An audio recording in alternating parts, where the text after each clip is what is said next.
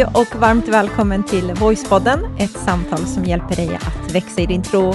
Och det är Irena som pratar här tillsammans med Hemen. Hemen.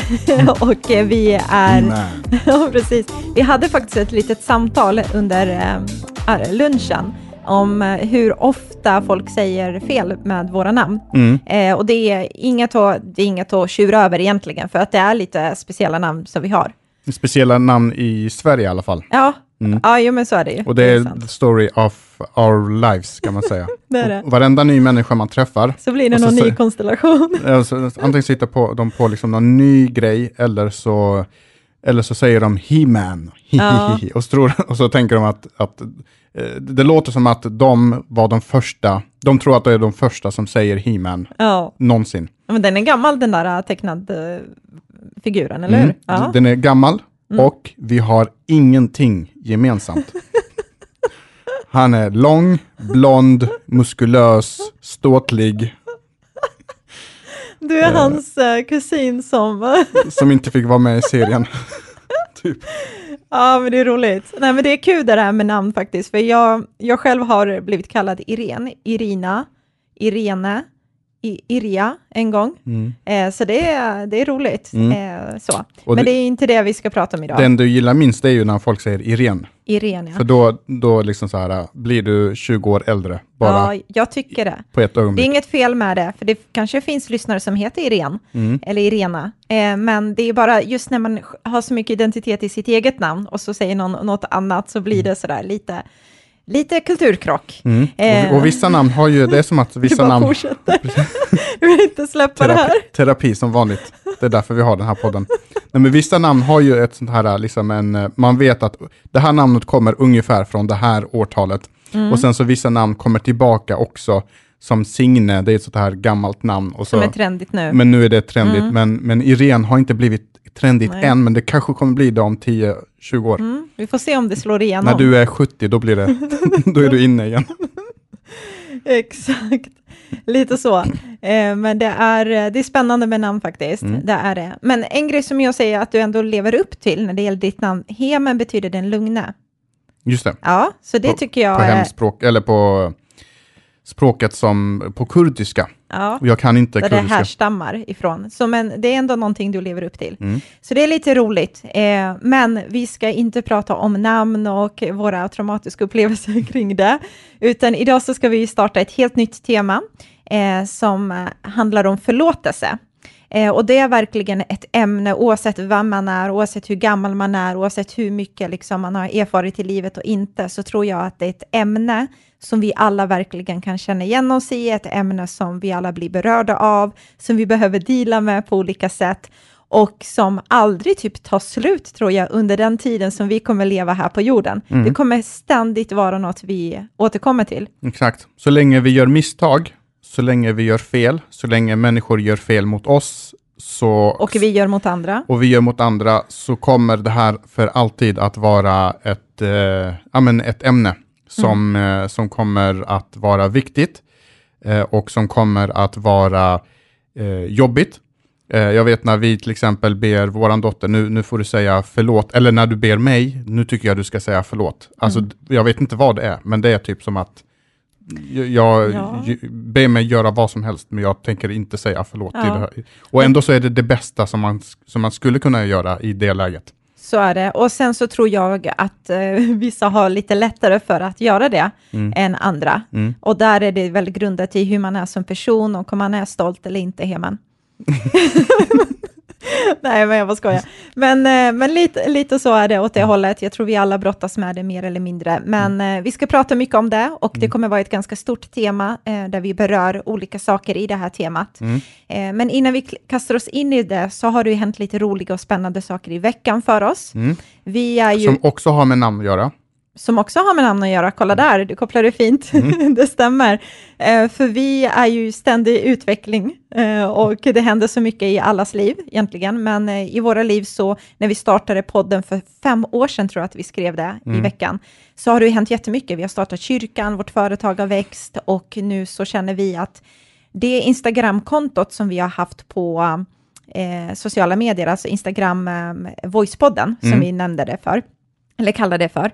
Eh, det kontot har vi ju tänkt i början att det bara liksom skulle handla om podden och vi lägger ut lite citat och man får höra lite klipp och man får höra när det senaste avsnittet kommer ut och så vidare. Mm. Men vi har känt oss lite begränsade med bara det formatet. Mm. Exakt. Eh, det, det, var jättebra i början när det enda vi hade det var eh, podden. Mm. Eh, det lät lite sorgligt, men vi det hade varandra. Det, var, det var sköna tider. Vi hade varandra och så hade vi podden. Ja, det var fantastiskt. Eh, men, eh, men nu när, när det har hänt mer saker och eh, så, så har det känts, precis som du säger, lite begränsande. Man har velat ibland berätta om saker som händer, men man har känt, är det rätt forum? Eh, liksom så. Och det är klart, vi hade kunnat göra det där, men det hade inte känts jätterelevant. Mm. Eh, och sen så vill vi också, vi känner ett starkt behov och en vilja att verkligen eh, nå ut på sociala medier till den icke kyrkvana, eller till den, den som inte är troende eller kristen. Mm. Eh, och Voicepodden var inte jättesjälvförklarande.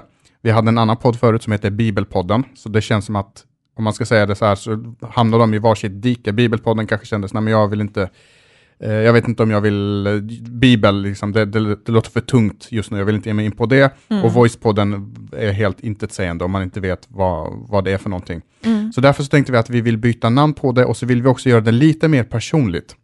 Eh, för att, och det är någonting vi har kanske märkt och alla har eh, fått uppleva, det hur kristendomen har blivit mer och mer en teori under den här pandemin. Mm.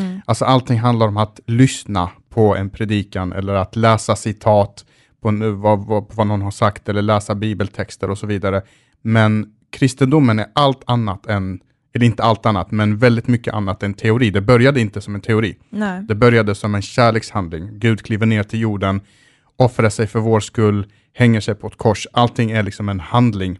Eh, kärlek är handling, kärlek inte ett ord. Mm. Eh, och därför så vill vi också på, på något sätt kanske ge en inblick i hur, eh, hur vi lever, lever våra mm. liv. Jag säger inte att vi är världens bästa människor, eh, tvärtom. Skulle, inte tvärtom, men... Nej, jag tänkte, nu tog du väl lite i. Jag förstår att man måste vara ödmjuk. Men, men vi, vi är där någonstans mitt i mellanskiktet. mellanskiktet. Eh, om man ska grad, Jag är lite högre oss. där, men det är okej. Okay. Precis, du har kommit lite längre än vad jag har. Eh, men, men det vore ändå intressant och spännande ja. liksom, att kunna få dela med sig av tankar, av saker som vi är med om, saker som vi gör, varför vi gör som vi gör ibland. Mm. Uh, ja. Jo, men just att tron är, för oss så är det så viktigt, vi vill förmedla att tron är inte bara något man går till på en söndag. Vi tror ju på den lokala kyrkan och tycker det är viktigt liksom eh, och har själva startat en kyrka för vi ser liksom poängen med det. Men att det är mycket mer än bara ett möte som du säger. Hur utövar jag min tro? Hur lever jag tillsammans med Gud måndag till söndag? Mm. Eh, I alla aspekter egentligen, familjelivet, relationer med vänner, vardagen när jag går och tränar, alltså hur inryms min tro i, i livet? Eh, så det ska vi bredda och bara för att förtydliga så är det bara Instagramkontot som vi ska ändra namn till. Vi har inte sagt vad. Nej, jag vet, jag, jag tänkte på det. Och det namnet som vi faktiskt ska byta till är... Eller har bytt till. Har bytt till, mm. det har vi gjort. Eh, är tro och livsstil. Mm. Så det tänker vi är självförklarande, man fattar direkt vad det handlar om. Men för att förtydliga än en gång, det är ju bara Instagramkontot som byter namn. Voicepodden kommer fortsätta heta Voicepodden. Mm. Eh, så följer man oss via sociala medier, haka på Instagram och eh, gilla där och eh, följ och kommentera och vara aktiv.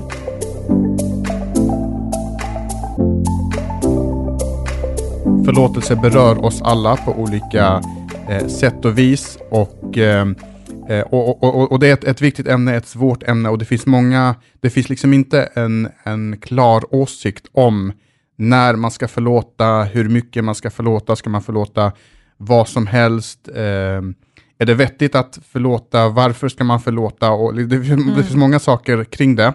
Och allt det här tänkte vi att vi skulle bryta ner, både när det handlar om att förlåta andra som har gjort en illa, men också att man själv behöver be om förlåtelse, mm. att Gud behöver förlåta mig, eh, men också att jag kanske behöver förlåta mig själv för saker som jag har gjort som jag inte kan släppa. Så det blir verkligen ett sånt här, ja, ett stort mm. tema. Precis, och just i, nu så ska vi prata kring att det finns frihet i förlåtelse. Det är mm. det som är temat för det här avsnittet. Och när man pratar om förlåtelse, som sagt, så finns det vissa saker som är tunga, som man minns tillbaka till, som man känner det här har påverkat mig och det här har verkligen liksom rört till ordentligt. Sen finns det andra saker, om vi bör, bör, börjar lite mer lätt, mm. så finns det vissa andra saker som man känner så här, men det där var en engångsirritation, det påverkar mig inte så mycket, jag kan ändå gå vidare i mitt liv. I stunden så kanske känslorna flammade upp något och sen så släpper jag det och går vidare. Mm. Och sådana saker är lite lättare att förlåta? Jo, men sådana saker är lättare att förlåta. Till exempel så kan det vara, vi har alla våra saker, liksom, men det kan ju vara det här med att när man eh, kanske är lite långsam eller när man liksom står i kön och man tycker att man har bråttom och så blir man lite så irriterad. Typ sådana saker, mm. så känner man sig när man sätter sig i bilen och har fått in sina matkassar, då släpper det, det rinner av bara. Jag förlåter för att den var så himla långsam och mm. ville veta vad varenda artikel hette, liksom, eller vad Just det nu kan vara för något. Mm. Jag stör mig inte lika mycket på det, men det Nej. där är ju intressant, för det har jag tänkt på, att när man står i kön och det är, det är folk före och så är det någon som strular framme vid kassan. Det är någonting som inte händer, kortet funkar inte eller de måste, måste springa iväg och kolla priset på en produkt för att det står fel mm. på hyllan eller det står fel i tidningen eller vad, vad nu kan vara. Så sitter man där och... Oh, Men det blir så, så ett så, kollektivt suck. Det är om en börjar, jag märkte det här sociala, liksom oskrivna, en börjar och vara den som suckar, stackars personen som bara vill veta något där framme. Mm. Men en börjar så sucka och så rullar den med sina ögon och så tittar den bakåt i kön och så bara sprids sig som en dominoeffekt liksom mm. hela. Men oh. om det är jag själv som står där och jag inte har pengar på kortet och jag måste överföra pengar, då minsann, då tycker jag att alla ska ha förståelse för mig, för att jag minsann har haft en svår dag på jobbet, en tuff dag på jobbet, jag har haft en tuff dag med barnen, jag har inte hunnit göra det här, jag skulle ha hunnit med det, men så kom det en massa grejer i vägen och därför måste folk förstå min situation. Mm, just det, eh, det är men, olika aspekter. Mm. Precis, men vi har inte, men hur som helst, men det är en sån, sån grej, en grej som kan irritera mig, och det här händer eh, med jämna mellanrum, det är när maten är översaltad.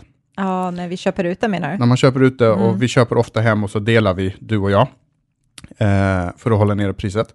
Mm. Eh, och, och så tar man hem det, eh, eller till kontoret, och så är det översaltat och så har, har, har liksom måltiden förstörts, men man kan inte gå tillbaka och klaga för att man har inte tid att göra det. Ja.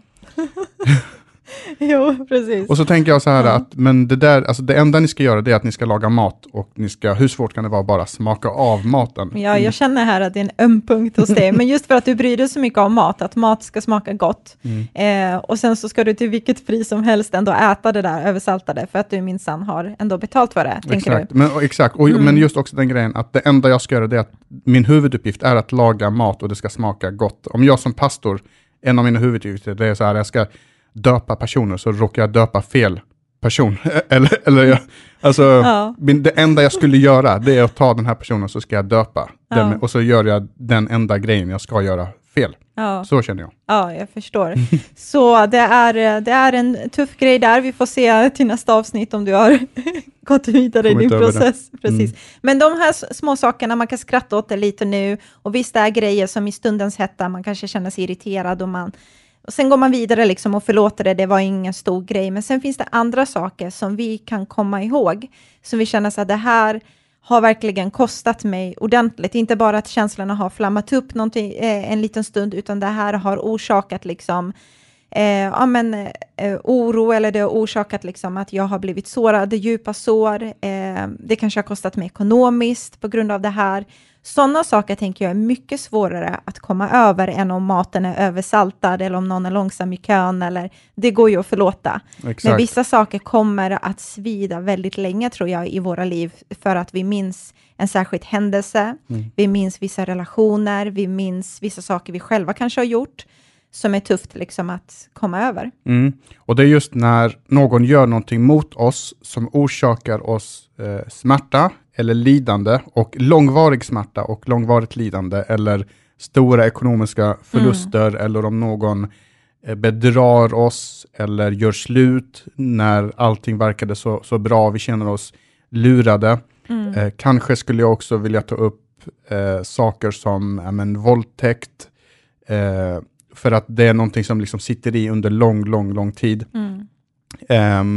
Med andra saker, det finns så om, om någon, mycket om någon att skada, egentligen. Om någon skulle skada min, en, en familjemedlem, mm. om någon skulle bli påkörd i min familj till exempel. Mm. Sådana saker blir ju väldigt, väldigt jobbiga och tuffa att förlåta för att man känner på något sätt att det är orättvist och man tycker att du inte är värd att bli förlåten. Du är inte värd att jag förlåter dig. Mm. Eh, och det är lite det vi ska titta i, i det här temat, att, att eh, det här handlar mer om, om ditt välbefinnande än om den andra personen. Att du förlåter inte för den andra personens skull, utan du gör det för din egen skull. Mm. Eh, och jag var med om en, eh, om en sån grej. Jag hade varit kristen i kanske eh, sex månader. Eh, och jag, började, jag förstod liksom det här med att men kristendomen, det handlar om förlåtelse, att Jesus förlåter oss, Gud förlåter oss genom Jesus. Vi har gjort saker mot Gud som inte är bra, och vi, vi, vi behöver förlåtelse. Och att därför ska vi också förlåta andra. Mm. Så jag var liksom mitt inne i det här och sen så hade jag, jag gick på mediagymnasiet och specialiserade mig på grafisk design, men jag tyckte också det var spännande med, med video och mm. filmning liksom och så här. Eh, och, då, och, då, hade jag läst på, då fanns det en kamera som jag ville ha, för jag tänkte om jag får, om jag får händerna på, sätta händerna på den kameran, då kommer jag bli en riktigt duktig filmproducent, kunna göra rikt, riktigt ja. schyssta videos. Så det började redan då. Eh, och, eh, och jag var ju bara, jag var 18 år kanske, eh, och hade inga pengar, för man har inga pengar när man är 18, ja. och i alla fall inte att köpa en dyr kamera. Så då, den sommaren så tänkte jag, men då ska jag sommarjobba och så ska jag spara allting jag får under sommarjobbet och så ska jag köpa den där kameran som jag har längtat efter. Mm. Så jag gjorde det och jag minns jag gick dit liksom till Elgiganten, jag hade kontanter med mig, jag köpte den här kameran, fick det här, den här förpackningen, liksom kom hem och tog bort plasten och, och så vidare. Och eh, sen så var jag ute på gården och filmade lite och testfilma. Och då kom det fram en man till mig och så sa han så här, och, han hade lagt märke till, liksom, när jag stod film, sa han, du, jag har lagt märke till att du, eh, du kan det här med video, du verkar vara, vara duktig på det här och det är så här ja. att, och, och, och, jag blir ju jätteförtjust, yes, jag visste, ja. om jag bara får köpa den kameran, då skulle, då skulle det bli bra liksom. Um, och då säger han att, eh, jo för att det är så att jag jobbar på TV4 och vi ska göra en dokumentär. Och när jag såg att du filmade så som du gjorde så tänkte jag att den där killen, den vill vi han vill vi samarbeta med. Eh, så jag undrar om du vill samarbeta med oss och göra en dokumentär ihop med oss? Mm, och jag grej. bara, what? Alltså, det var ju liksom en, som att man skjuter in, liksom, eh, så här, man skjuter in mig i min framtida karriär. Ja. Det här ska jag syssla med. Och så bara får man den här skjutsen, det händer liksom aldrig. Det är typ som att bli upptäckt som stjärna. Liksom. Precis. Eh, och eh, jag tycker, ja men absolut, och så börjar jag sälja in mig själv. Ja men jag kan det här, och så börjar jag nämna massa fackord, eh, på, liksom här, bara för att imponera. Och så sa han, ja men jättebra, du verkar vara helt rätt person, men det finns ett krux bara. Eh, och, eh, och det är så här att den här filmen, den handlar om ankor. Eh, och bara när han säger så, den här filmen handlar om ankor, borde fått vem som helst ja. att tänka så här, det är någonting som inte stämmer i den här storyn. Exakt. Alltså ärligt, tänkte du så här, va?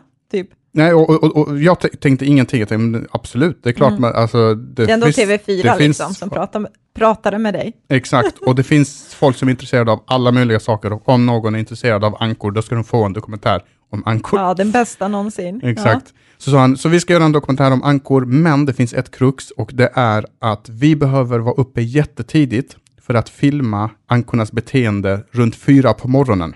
Mm. Eh, och tänk då på att jag var en tonåring, jag är morgontrött, jag typ går och lägger mig på vid ett, två tiden och att vakna klockan fyra, det skulle aldrig gå. Men då säger han så här att ehm, men vi kan göra så här, jag förstår att det är jobbigt för dig att gå upp så här tidigt, så vi kan göra så här att jag kan stå för den delen som handlar om att vi filmar tidigt på morgonen och så filmar jag ihop allt och så kommer jag med materialet och så får du klippa det, för du kan väl klippa va? Mm. Ja, absolut, det är klart jag kan klippa, jag vet hur du gör och man gör och jag använder eh, Adobe Premiere och liksom allt det där. Eh, så han, han, gör det och så kommer han eh, och så säger han, eh, så därför så skulle jag behöva låna din kamera. Mm. För att filma då så här tidigt på morgonen och jag tänker självklart ska du få göra, eh, låna min kamera, vi är ju nu ett team. Ja. Så han lånar min kamera och sen så går dagen och jag är jättespänd, jag gör mig redo, jag har läst på lite hur vi ska redigera det här, och, om ankorna och klippa på, inte läst på om ankor, men liksom hur vi ska klippa ihop det här för att det ska bli bra. Eh, och sen går dagen och klockan blir 12, klockan blir 3 på eftermiddagen, klockan blir 18.00 på eftermiddagen ja och han kommer inte tillbaka med kameran. Och jag kommer på mig själv, jag har inget telefonnummer, jag har ingen e-postadress, jag har ingenting på den här människan, utan jag har blint litat på den här personen. Och sen går jag ut på gården för att leta, liksom kolla, skulle vi, kanske han kommer tillbaka till samma eh, plats. Jag frågar runt folk och till slut får jag reda på att men vi vet vem den här personen är. Och vi vet också att han har, han, han, han försökte sälja en kamera till oss, sa några stycken. Nej. Så han har tagit min kamera, sålt kameran, tagit pengarna och åkt utomlands Nej, med pengarna. så tråkigt. Och jag hade haft kameran i typ en vecka. Nej, så Eh, tråkigt, stackarn. Så det var en riktigt så här, eh, riktigt, riktigt jobbigt, men fortfarande det var bara materiellt, men, men ändå. Mm. Eh, men jag bestämde mig där och då, för jag hade hört liksom, predikningar om det här, jag bestämde mig där och då att jag måste förlåta den personen så fort jag bara kan. Mm. För om jag inte gör det så kommer det här att äta upp mig. Mm. Eh, och jag gjorde faktiskt det, jag tog en promenad och så sa jag, gud det här är något av det svåraste jag kommer göra nu, men jag väljer att förlåta den här personen. Ja, men alltså det är väldigt fint att du gjorde det, men sen så tänker jag utifrån sin egen erfarenhet att du måste ändå ha blivit, utifrån den situationen så måste det ha hänt någonting i ditt hjärta, du ändå blev lite mer på din vakt kanske nästa gång när du träffar någon, Mm. eller, eh, eller liksom kände du inte besviken över dig själv, att du bara naivt trodde på honom, eller hade du inte sådana känslor också, även om du visste om liksom att nej, men jag ska förlåta? Absolut, och det var just där, och kanske var det för att jag var så ny i tron, det här var nytt för mig, det var liksom, jag fick en boost via, eh, via det här. Eh, men som sagt, jag tyckte att verkligen att det var något av det jobbigaste, alltså jag har kastat bort hela min sommar, min, eller- och för att jobba, för att kunna köpa den kameran, och sen går, och, går den här personen och säljer den till en bråkdel av priset. Ja. Så det, den första tanken jag tänkte det var att du hade kunnat be mig för de pengarna så hade jag kunnat försöka ta fram dem och behållit kameran för att han sålde den till kanske för 15-20% av och, liksom priset, för han visste ju inte hur, hur, hur, hur bra den var. Precis. Ja. Ja, men sån är en sån här tuff sak som man kommer ihåg sen Mm. tidigare. Och jag tror, när jag blickar tillbaka, så jag tror vi alla har egentligen, skulle vi alla träffas liksom och, och sitta och prata om alla våra saker vi har varit med om och olika saker vi har behövt förlåta, så är det massa saker egentligen. Mm. Eh, jag kommer ihåg när man var ung, och jag tror mycket när man är ung och man är liksom nytron, så Ehm, så är det lite mer att man är open-minded och man tänker att alla är så fina och fantastiska och snälla och sen så du vet, blir man besviken att någon utnyttjar en och ville bara liksom använda en som en trofé i kyrkan eller du vet så här olika saker som man blir besviken och man känner att jag behöver förlåta och gå vidare och så. Det här med kameror, du sa det, ja, men det var en materiell grej. Eh, absolut. Sen så tror jag att det finns människor som kan känna en känslomässig koppling till just den här materiella saken, om det är någon sten man har fått från sin mormor och någon har liksom stulit den eller vad det nu kan vara för någonting. Men det finns vissa saker som vi inte kan förlåta på ett så ändå enkelt sätt inom situationstecken, om du förstår vad jag Mm, menar. Eh, till exempel om, alltså jag bara kan inte ens föreställa mig om någon skulle göra någonting mot våran dotter. Mm. Alltså jag, jag skulle allvarligt talat, teoretiskt, jag vet att man ska förlåta, men känslomässigt så vet jag om att jag hade ju verkligen haft svårt liksom. Mm. Eller något annat hemskt som man inte ens vågar föreställa sig om det skulle hända mig någonting. Exakt. Att jag går ut på stan en kväll och någon liksom våldför sig. Att bara säga förlåt, det är inte lätt. Eh, och man vet om att det är rätt, men det är inte lätt. Och, och det är just det att, att jag är helt säker på att det finns massor med människor som lyssnar på det här nu. Eh, och någon har gjort något mot dig tidigare som har åsamkat dig jättemycket skada, som Mm. har åsamkat dig sår, du har svårt att glömma det den här personen, eller kanske till och med en grupp med människor, kanske till och med ett sammanhang. Eh, de har gjort det här och det har åsamkat dig eh, liksom stor eh, sorg och det har gjort så, djupa sår i, i ditt liv. Och det som vi bestämde oss för det är att vi kan inte ha ett poddavsnitt där det kommer handla om att det är bara att släppa det. Nej. För det är inte bara att släppa det. För det är inte så enkelt, för det är det bara att släppa det, då hade vi alla inte haft den här äh, brustenhet och gått runt med våra öppna köttsår eh, i vår själ, så att säga, eh, så som vi gör idag. För det är vissa saker liksom som är lite svåra. Eh, men däremot så, så vet vi liksom att även om, även om känslorna är verkliga, även om de är där på riktigt och även om det liksom blåser upp ordentligt och man känner eh, vrede och frustration och till och med hat i vissa situationer mot de här människorna eller personen eller sig själv om man har åsamkammat sig själv massa ondska liksom och så vidare eh, så är känslorna så starka där. Men det mm. finns också ett sätt mm. att komma förbi det, ett sätt att bli läkt och ett sätt att faktiskt komma ut i någon slags frihet från det här. Exakt, och jag tror verkligen det att det finns frihet i förlåtelse och mm. det är liksom ett av huvudmotiven till varför jag ska förlåta en annan människa och det är för att jag ska komma ut i den här friheten.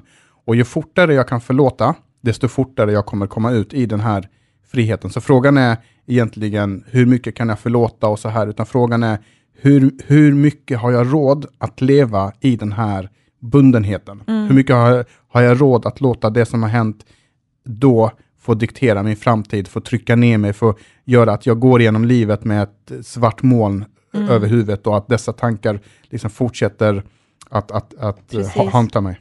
För det man gör är när man inte förlåter, eh, nu tror jag att vi båda pratar utifrån vår erfarenhet, är ju att det är någonting som händer med dig. Alltså det känns att du aldrig kommer vidare, eh, du kommer aldrig loss. Det är liksom känslomässigt så för det dig tillbaka till den här händelsen, till den här personen, till de här känslorna.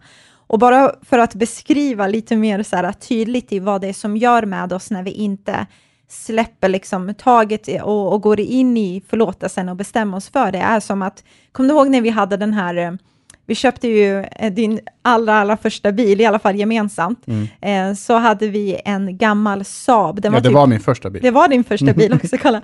En gammal Saab eh, 900, eh, mm. det var någon årsmodell 98, kommer jag ihåg. Precis, eh, med tilläggsnamnet Talladega. Ja, för den som vet där ute vad det är. Jag visste inte vad det var, jag tyckte bara det var coolt. Men den var lite så här cool för att den var jättegammal, men den hade så här el eh, elhissar, vad höll jag på att säga? Ja, precis. Nej, men den hade massa grejer. Den hade ja. elhissar, den hade farthållare. Ja, den var liksom eh, upgraded. Precis, och jag vet att vi köpte en bil, eh, eller vi skulle ha på att köpa en bil typ 15 år senare som inte ens hade elhissar och farthållare. Mm. Så det var verkligen så här topputrustad, bra bil. Men den hade kört länge, vi köpte den från en trafikskola. Ja, men den var riktigt bra och den var servad, funkade superbra. Det var din första bil. Och jag kommer ihåg när vi var ute och körde eh, den. Och så... Ja, men... och vi ska tillägga också, jag hade precis fått körkortet.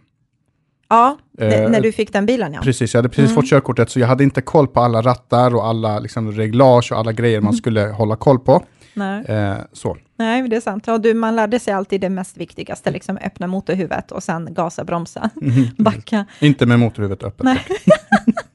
Va? Mm. Eh, men i alla fall, jag kommer ihåg när vi var ute och körde, och så började det lukta så här konstigt i bilen. Eh, och man bara, nej men vad är det för någonting liksom? Och du bara, nej men det är inget. Jag bara, jo men det luktar lite märkligt i hemmen, mm. alltså luktar så här bränt liksom. Och sen så eh, börjar man visualisera och min hjärna går bananas. Jag tänker nu, du vet det värsta scenariet liksom, som kan hända. Nu exploderar Nu exploderar, nu är det värsta actionrulle. Jag rullar ut, jag öppnar upp dörren, gör en kullerbytta ut, ner för backen, du vet så här. Hela, och det är så min hjärna funkar. Mm. Eh, och sen så skulle vi liksom stanna, för att vi började bli lite oroliga. Liksom, vad är det för någonting? Vad är det som luktar? Eh, och till våran förvåning, nej vänta hur var det, du öppnade motorhuvudet. Jo men vi, vi, parkerar bilen och så går jag ut och så ska jag försöka titta liksom. Och jag är den här typen som, jag har ingen koll på bilar, jag kan ingenting, verkligen ingenting om mm. bilar. Eh, min nivå på bilar det är typ så här, jag går ut ur bilen och så börjar jag sparka på däcken. jag tänker, nu ska vi se vad, vad, vad felet är.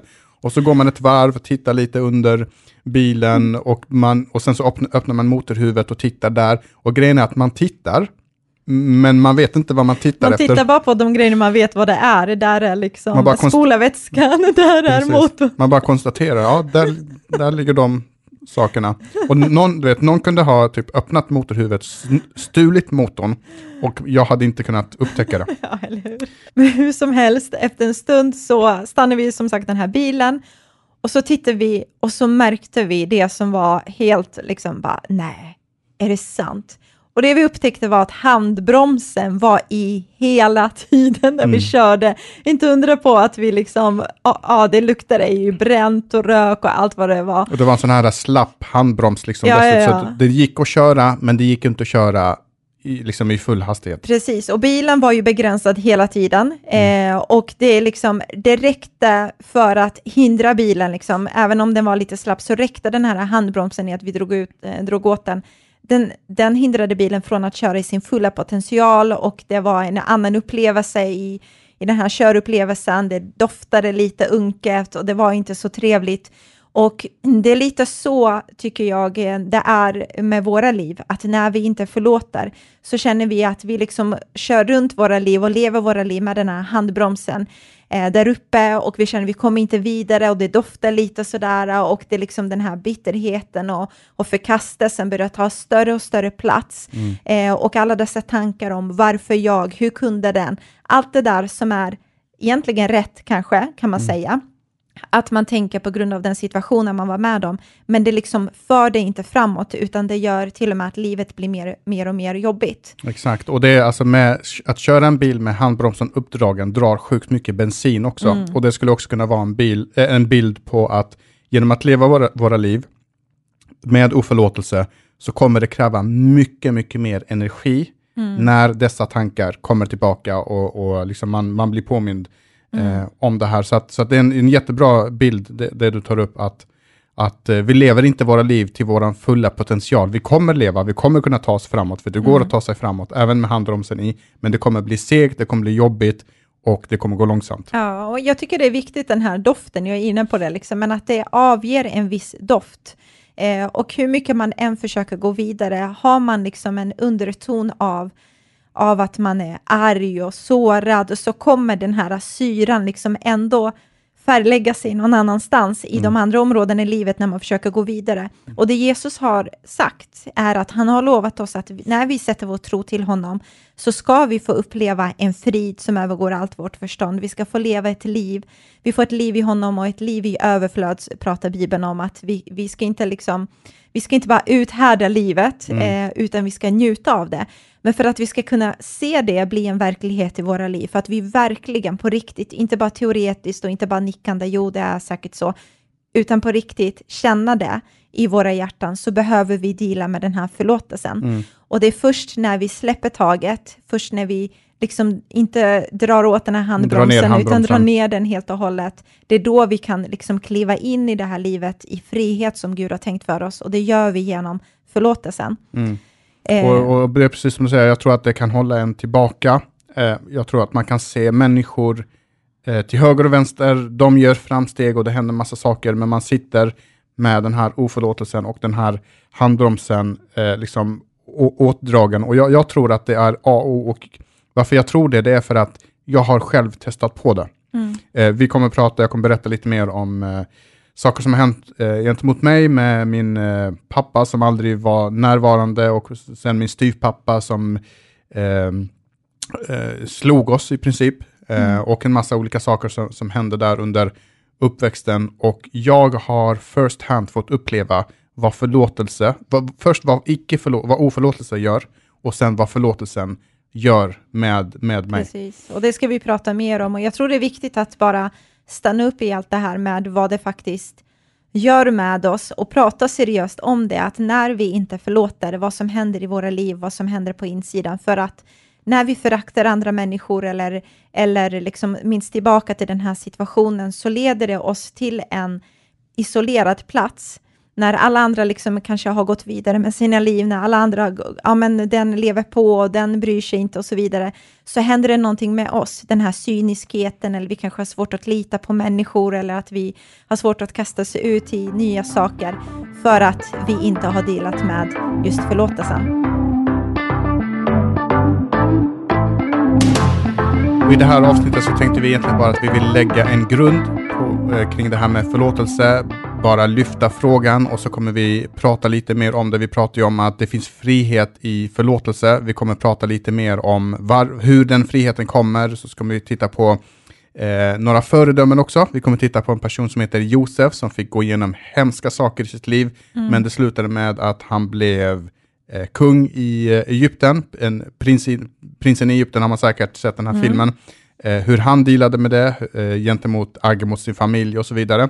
Eh, och så ska vi titta på Jesus också längre fram och sen så kommer vi ta en massa olika grejer kring det här med förlåtelse. Men vi vill att den här, det här temat ska vara liksom förankrat i verkligheten. Mm. Så går du och bär på en fråga kring det här med förlåtelse eller bara en åsikt, en, en tanke, jag kan verkligen inte förlåta, eller en story, en berättelse om när du förlät någon eller när du inte lyckades förlåta och hur det kändes och vad, vad, som hände, så vill vi jättegärna att du skriver till oss eh, på det här, bland annat på det här kontot, Tro och livsstil. Mm. Skicka på, ett på Instagram. där. Exakt, eller så kan man skriva till hejatvoice.se och bara berätta lite eh, ja, saker som man går runt och bär på. Precis, eller ge tips också. Så här har jag gått igenom. Eh, det tror jag kan vara intressant också. Eh, så tack för att du lyssnar. Vi återkommer nästa vecka med ett nytt tema. Eller nej, det ska vi inte göra. nytt avsnitt. ett nytt avsnitt i det här temat med förlåtelse. Så ha det jättebra så hörs vi av. Hej då!